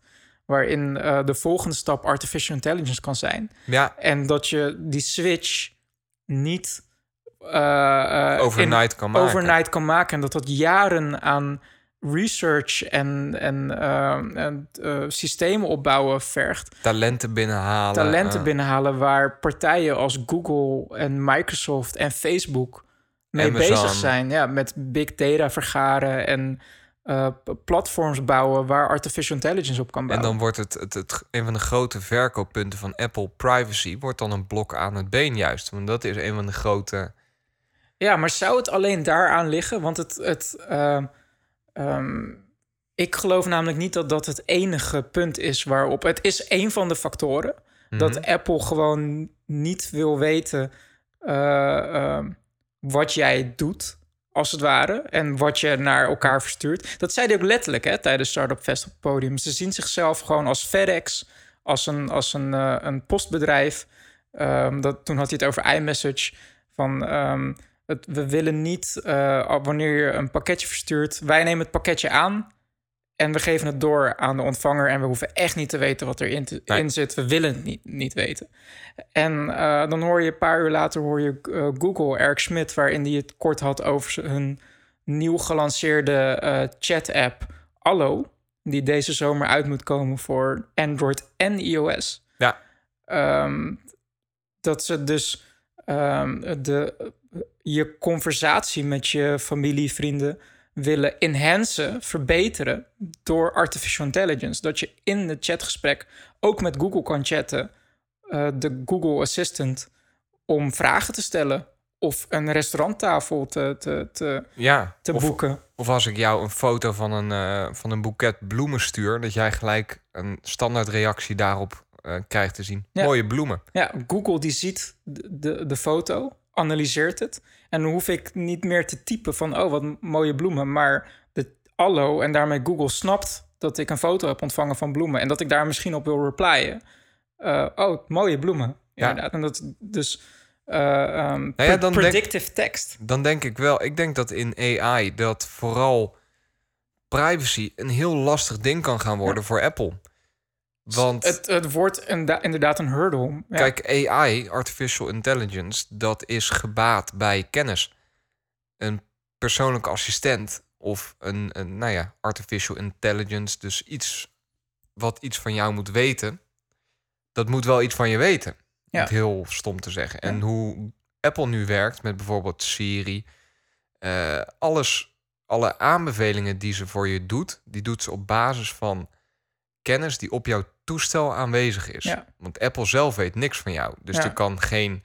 Als jij eh, ooit hebt gezegd dat je bepaalde bloemen mooi vindt, dan is dat niet kennis die bekend is bij Apple. En daarop hebben ze een enorme achterstand. Want Facebook Ja. die weet enorm veel van je. Als jij eh, met Facebook Messenger eh, de vraag stelt aan zo'n artificial intelligence of zo'n, nou ja, weet je wel, zo'n bot die jou iets ergens in moet helpen van, ik eh, wil een boeket bloemen naar mijn moeder sturen. Dan weet Facebook weet gelijk van, nou, jij hebt op jouw Facebook heb je aangegeven dat je eh, deze bloemen mooi vindt en jouw vrienden zeggen dat ze deze mooi vinden en die heeft een heel grote datapool om kennis uit te halen, om jou de beste ervaring te geven, Ja. om jou het beste aanbod te doen. En wat jij nu noemt, dat is een bepaalde kennis en platform waar Google al jaren mee bezig is. Daarom. En Apple heeft dat gewoon niet. En Dat, heeft het niet in. Wij zien het niet in ieder geval. Kijk, je weet nooit wat er achter de schermen gebeurt. Maar het, het, het zou gek zijn als, Nou ja, als Apple als- ineens eh, deze zomer op, op het podium komt met een compleet radicaal. Zelfs als ze het hebben, dan kunnen ze het niet gebruiken. Want dan schoppen ze eigenlijk heel de filosofie van hun eigen bedrijf onderuit. Klopt, tenzij ze een andere manier vinden. Want ze hebben het al soort van geprobeerd met volgens mij in iOS 8 met Proactive. Maar inderdaad, met Ja. wat je zei met informatie die op je device staat. Alleen het probleem is steeds meer informatie leeft niet, niet meer op je device. Mijn muziek staat niet meer op mijn telefoon, maar die staat in de cloud. Mijn foto's staan niet meer op mijn telefoon, die staan in de cloud. Ehm, ja, Ik denk dat ze daar wel... Daar gaat Apple het heel lastig in krijgen. er is wel een maar. Vertel. Eh, we hebben het we het nu over alsof eh, dit de toekomst wordt. Maar het is maar überhaupt de vraag of mensen dit willen. Ja, Want ehm, laten we wel wezen, Google die heeft nou niet echt een goede track record als het gaat om messaging apps. Zie het gebeuren dat iedereen nu WhatsApp gaat ditchen en over gaat stappen op Google's Allo? Eh, ja, grappig dat je dat zegt. Want dit, deze vraag werd precies zo gesteld eigenlijk Tijdens aan, eh, Startup Fest, hè? Ja. aan Eric Schmidt. Ja. En zijn antwoord daar wel op was gewoon... En dat was heel erg Steve Jobs-like, vond ik ook, Ja. hoe hij dat verdedigde. Eh, was gewoon van, wel, als wij de beste app maken... als wij het beste programma maken, stappen mensen vanzelf over. En wij zijn ervan overtuigd, dit is het beste wat er nu is. ja. Vond ik wel een sterk argument. Ik, zeker. Ik was, eh, dat zei ik toen ook eh, eh, tijdens die presentatie van... wauw, dit doet me echt denken aan Steve Jobs. Ja. Want gewoon het betere product wint. Valt te bezien. En zeker, niet altijd. Nee, nee. Ooit gehoord van Betamax? Ja, precies. Ik wou Ja. het net zeggen. Ja. Maar, en daarnaast wat ik zeg... Google heeft gewoon geen goede track record met, met, met chat-apps. Wat ze allemaal wel niet geprobeerd hebben. Ja, met Google, Hangouts, Google... eh, Google Wave, Buzz. Ook Google Wave trouwens was ik echt helemaal fan van toen het ooit uitkwam. Heb ik... eh, Wat? Ho. wat? David was fan van een Google-product. Ja, oh, inderdaad. Ja, ja. Nou, ik, was echt, ik zag echt, want Google Wave werd, werd eh, toen het uitgebracht werd, werd het echt verkocht als, Hoe lang geleden is dat? pff, wat zal het zijn, 2009 of zo? Ja. 2009 denk ik. Oké. Ehm, Google Wave werd echt verkocht als e-mailvervanging. Van e-mail is super oud, is aan vervanging toe, een fundamenteel vervanging toe. En ik geloofde het helemaal. Ik ben het echt gaan gebruiken met mensen. Volgens jaren later had ik eh, informatie uit die gesprekken van toen nodig. Maar Ja. Google Wave bestaat inmiddels niet meer. Al die data is weg. Kon, ik kon er gewoon niet meer bij. Dat was echt super lullig. Maar, Dus jij eh, zou willen eigenlijk dat Google meer data van jou had opgeslagen, kan ik hieruit opmaken. Ja, inderdaad. Wauw. Nee. Revelaties hier zo. Ja, precies. Nee, maar even om weer even on track te komen. Kijk, het is, het, ik, ik vind het interessant. Eh, ik moet zeggen, ja, ik, ik, ik weet het gewoon nog niet met, met Allo en eh, ehm, Artificial Intelligence Enhanced gesprekken. We hadden het ook kort over toen met Microsoft en Cortana. Ehm, kijk, het, het, op zich het aspect van dat je bijvoorbeeld samen met een vriend of zo een, ter plekke in het gesprek een hotel kan boeken of zo. Het is interessant, maar eh, ja, ik, Ja, ik, ik heb bij dat soort dingen wel vaak het idee dat ik controle te veel uit handen geef en daarmee een hoop misloop. Dat het ook wel iets is voor de eh, rijkere elite, om het heel kort te daar zeggen. was ik naar op zoek eigenlijk, wat je nu zegt. Want je gaat dan... Ik kan me haast niet voorstellen dat je dan niet in een soort filterbabbel gaat, gaat leven. Dat je in een soort bubbel gaat leven van... ehm, da- daar is trouwens ook een boek, over geschreven, de filterbabbel. Eh, dat, dat, je, dat je je keuzes echt laat, zwaar laat beïnvloeden door eh, computeralgoritmes. Nou ja, dus ik- dat, je, dat je gewoon een heel groot gedeelte van de wereld mist. Om, eh, omdat je bijvoorbeeld alleen maar een bepaald soort type hotels of een bepaald soort type restaurants wordt aangeraden. En eh, wat dan misschien dan helemaal tailored is op jouw smaak en wat je zou willen. Maar dat je daarmee het risico loopt dat je geen nieuwe dingen of zo Geen nieuwe ervaringen. Nee. Precies. eh, In de, de schrijver van het boek Filterbubble... die haalt dan aan dat bijvoorbeeld als... eh, dat is dan weer heel dated informatie... maar als iemand dan googelt op Egypte... de ene krijgt alleen maar eh, reisinformatie te zien over Egypte... en de andere krijgt alleen maar informatie te zien... over de Arabische lente in Egypte. Zeg maar zo'n... Dat is echt een mega eh, Nee, ja, maar ik, simpel ik- voorbeeld. ik, maar ik, ik snap wat je bedoelt. Maar wat ik er ook bij heb, ik wil over dit soort dingen, dingen als het uitzoeken van een hotel, et cetera, wil ik zelf de controle houden. Ja. Eh, Ja. Ik zie dan die demo's. En het eerste dat altijd bij mij terugkomt, we hebben net een demo van Vive of Viv, Viv, ja, van Viv gekeken. En dan dat is ook zo'n personal assistant à la Google, à la nou, et is cetera. eh, ontworpen door oud-medewerkers van Siri. Denk ik gelijk weer, waarom werkt ze nu nog steeds niet bij Apple? Maar Ja. ala.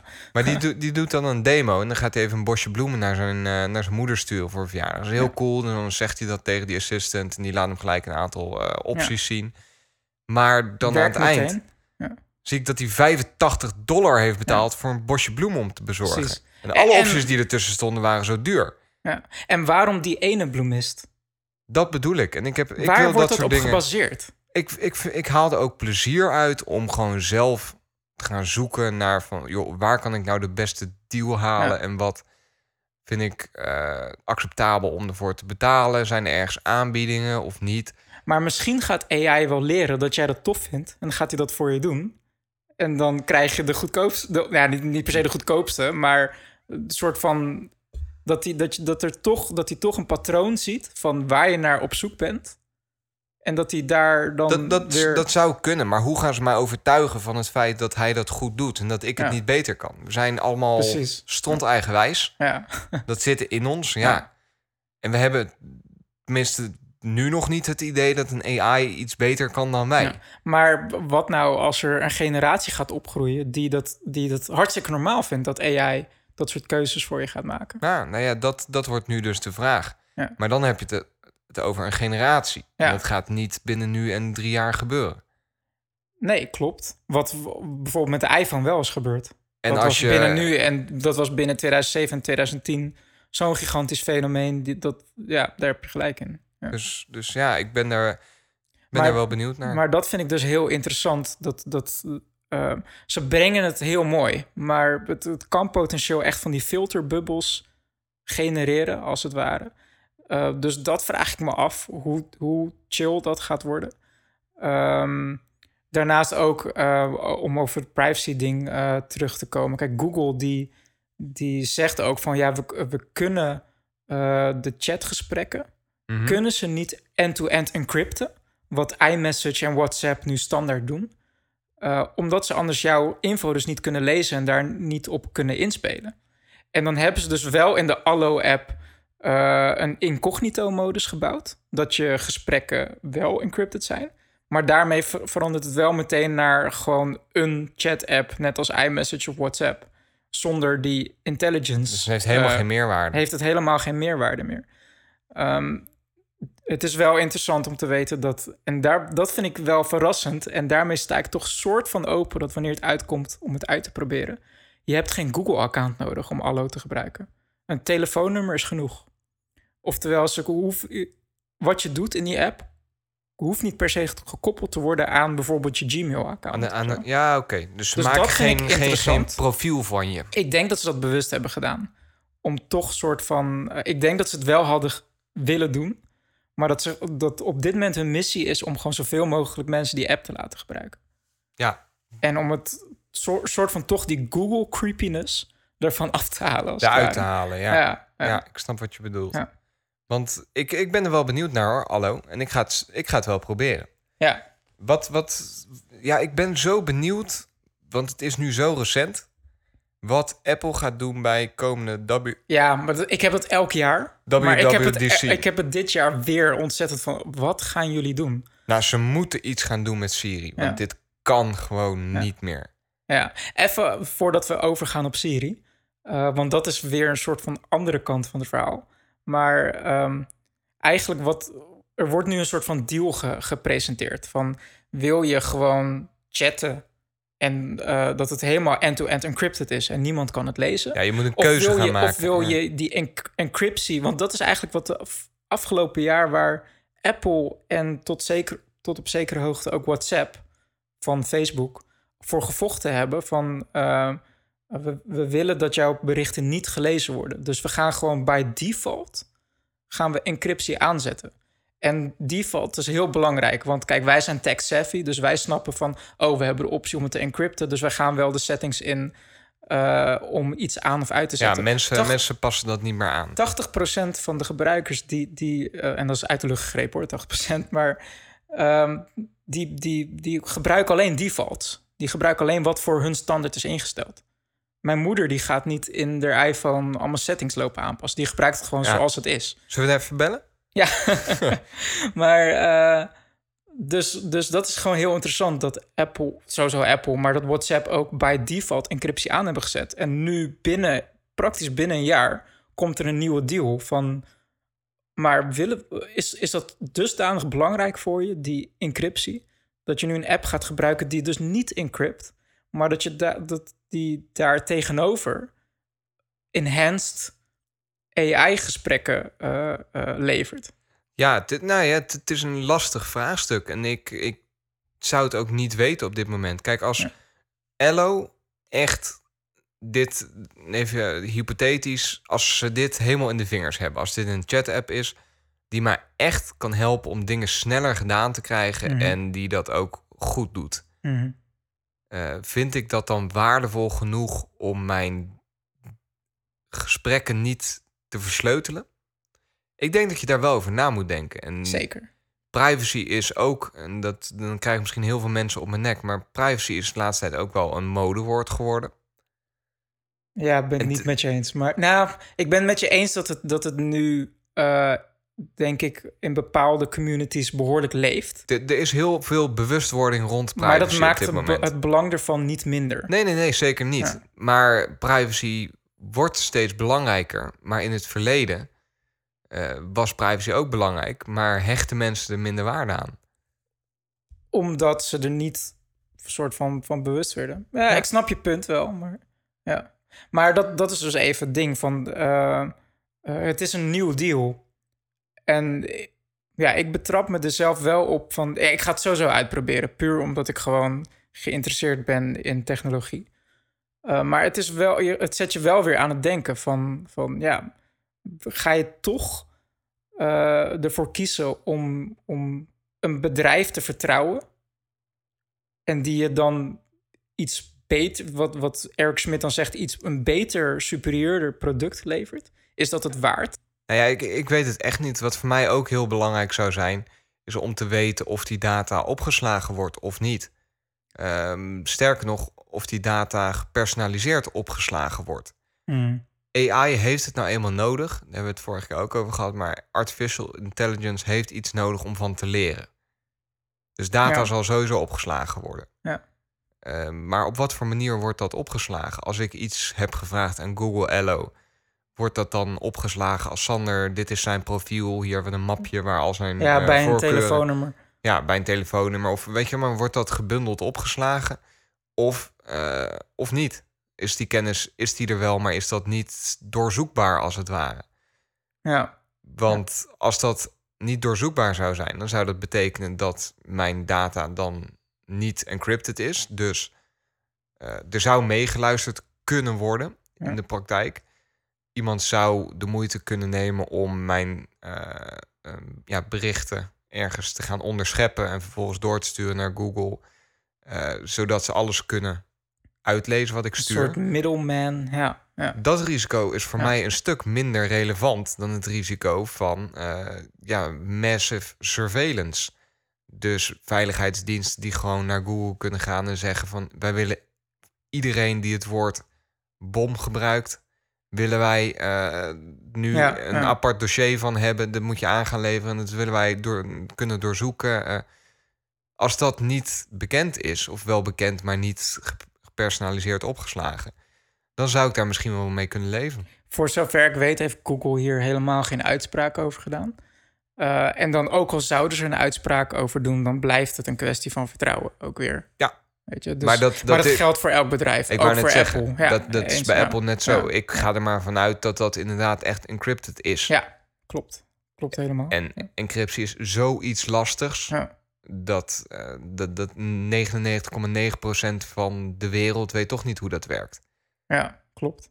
Een andere eh, interessante trend is naast eh, artificial intelligence Mhm. in, in dialogen, chats, chat-apps, ehm, is een soort van me- meer een push naar een, een spraakgerelateerde interface. Dus dat je meer dingen met spraak gaat doen. Ja, dan Dus komen we je- nu terug even op Siri ook. eh, ja, precies. ja. Want in, ja, Apple is daar wel vrij vroeg mee geweest met Siri in de iPhone 4S. Maar met, Met Siri dat- hadden ze echt goud in handen. Ze waren, ze waren gewoon heel snel met, met ge- eh, dat miljoenen mensen in een device een, een, een AI hadden waar ze tegen konden praten. En dat ze commando's kunnen eh, uitvoeren en vragen konden stellen met hun stem. En ehm, ehm, ja, dus, dus acties starten met de stem. Maar dat is bij Apple, heb ik het idee, is blijven haken. Ik, En je ik ziet snap dat- daar dat- helemaal niks je van, ziet hè, dat hoe dat is bijvoorbeeld-. Je ziet dat bijvoorbeeld een bedrijf als Amazon, die heeft daar echt een flinke inhouds... Die, is- die, is, die is Siri ver voorbij met, Ja. met de Amazon Echo. Kijk, het, het vervelende era- eraan is dat wij als Nederlanders kunnen het niet uitproberen. Te, ja, dat, nu loop ik even voor- voorop, maar we kunnen geen Amazon Echo... we kunnen niet zo'n apparaat kopen en hier in huis neerzetten... om uit te proberen hoe dat is. Maar eigenlijk veel tech-journalists eh, en mensen die zo'n apparaat kopen... Die, die zijn er best wel lovend over. Van dat het wel eh, ehm, impact heeft op het huishouden. Dus dan is weer een vraag van... ehm, Nou, wat voor rol heeft spraak in het huis? Willen we dat ook? Dat- Een apparaat die constant luistert? Want Alexa is dus eh, van Amazon... is dus een pilaar, een apparaat... die altijd, in principe altijd aanstaat met een microfoon... en altijd naar je luistert. Ja. En eh, dat je dus hardop kan zeggen... Alexa, wat is het nieuws? Of Alexa, start een timer van 10 minuten. En het schijnt dus dat die hitrate... dat het gewoon altijd werkt. Dat je er gewoon echt op kan vertrouwen dat het werkt. Nou ja, ik, ik snap er helemaal niks van. Ik vind het zo niet des Apples, eh, hoe ze dit dan nu hebben aangepakt met Siri. Want ik heb oprecht het idee dat ze maar wat aanmodderen. Ja. Dat ze ooit een briljante aankoop hebben gedaan van een kant-en-klaar team die een kant-en-klare oplossing Ze had hebben de naam niet eens veranderd. genaamd Siri. Ja. Dat, de, de naam was al hetzelfde. En eh, ze laten het ook niet helemaal los. Dus eh, ze zeggen niet van, nou jongens, dit is hem niet voor ons. Maar ze hinken maar op één been voort. En dan eh, inderdaad proactive gaan ze dan inbouwen Ja, dat hij net wat beter wordt. En ze beloven eh, ondersteuning in meerdere talen. En dat duurt vier jaar en dan komt het er wel. Ja, maar dan werkt het ook niet helemaal. Het, het is zo net niet allemaal, maar ook niet helemaal niet. Zeg dan, we gaan er niks mee doen. Als je graag een goede assistent wil, dan staan er een hoop in de App Store. Download er eentje, zet hem op je device. Apps, apps, apps. Ja, even de stage. Gewoon wat ik me dus gewoon even afvraag is, is moet je, wil je dingen met spraak doen? Ja of nee? Bepaalde Ik- soort dingen? Ik zeker weten. Ik gebruik mijn Siri best wel veel. Maar ik gebruik hem nu wel echt als veredelde kookwekker en weerchecker. Precies dat. Ik gebruik hem echt alleen maar als, als Ik, kookwekker. ik, als ik eitjes kook, dan zeg ik tegen mijn Siri... zet, me, zet mijn wekker over vier minuten.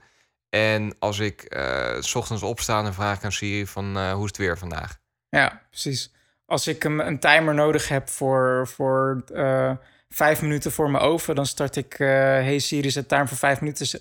zegt hij, dat wordt een heerlijk eitje. Ik van, ja, jammer. Ik ben Ja. geen eitje aan het maken. Ja, Ehm, maar, Maar dat, dat, dat- is echt het enige waar het goed Ja. in is. ja, maar ehm, ik zei het net al, eh, je hebt Amazon. Dat, dat is nu denk ik wel bij far op dit moment de grootste qua spraakherkenning in het huis. Ja, zeker weten. Daar, nu krijg je Google. Die heeft afgelopen Google I.O. hebben ze Google Home aangekondigd.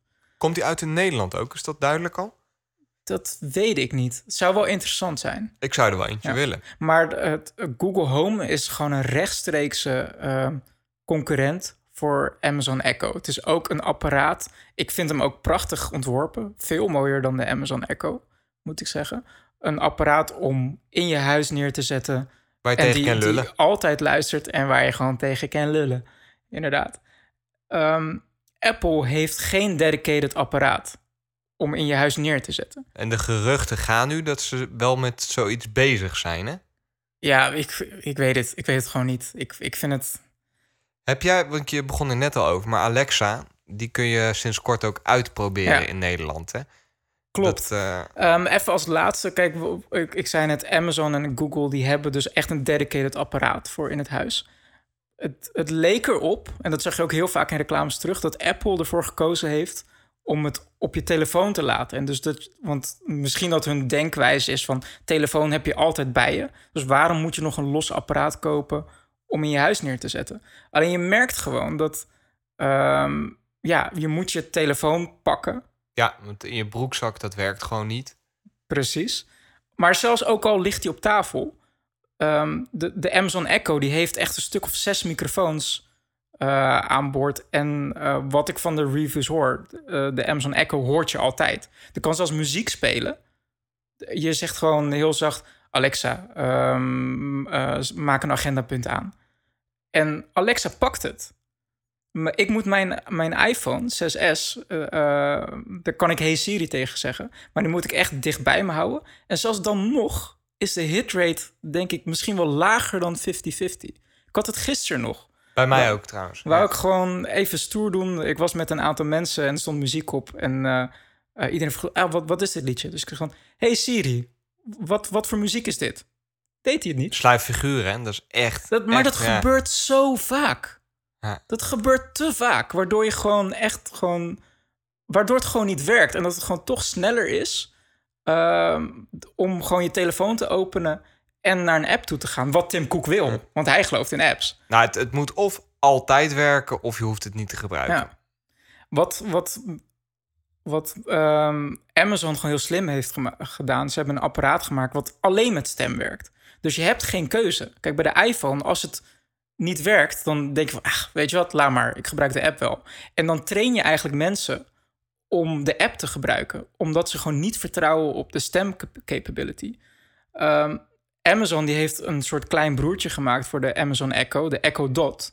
Ja. Dat, was een, dat is een, een Amazon Echo zonder speaker. Dus die kan je dus op een speaker die je zelf hebt, kan je die aansluiten.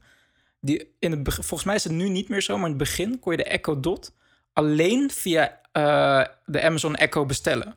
Dus de enige manier hoe je de Echo Dot kon bestellen was door tegen je huidige Echo te zeggen: Alexa, bestel voor mij de Echo Dot. Dat was de enige manier om te bestellen. En zo train je mensen om te vertrouwen op die spraakherkenning. Ah, wel vet vind ik dat, hoor. Ja. Ja. ja. Dus dat was even mijn punt.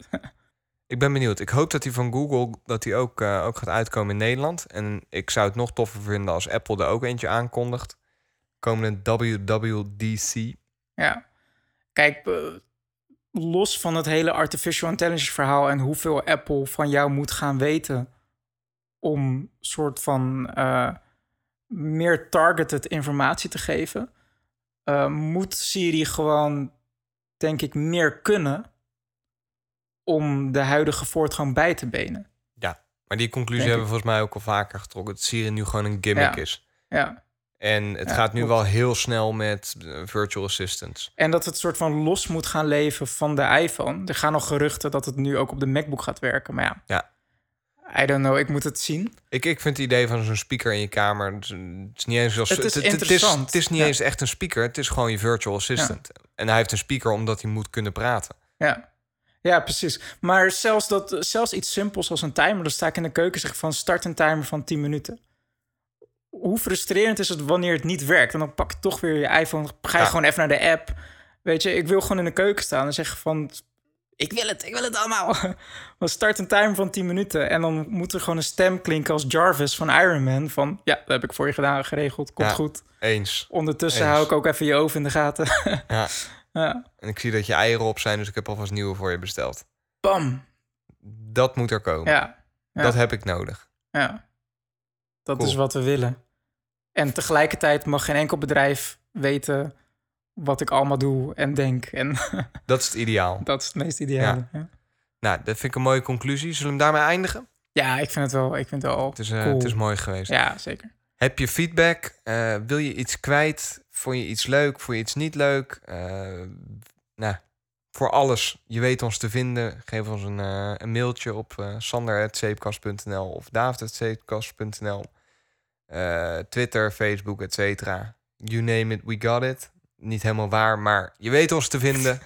Gooi er een Google zoekopdracht uit en eh, dat komt helemaal goed. Google weet toch alles. Google weet alles, ja. Google is live. Bedankt voor het luisteren wederom. Ehm, we hopen dat je genoten hebt. Wij, eh, Ik heb ook genoten hoor. ja, Ja, zeker. gelukkig. Ja. Lieve luisteraars, bedankt. Live long and prosper. Ciao.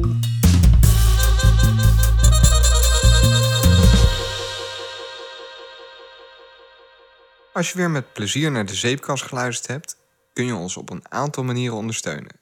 Dit kun je doen door een review achter te laten in iTunes, de App Store of in Overcast of Stitcher. Deel de zeepkast met je vrienden en kennissen en like ons op Facebook. Nogmaals, enorm bedankt voor het luisteren.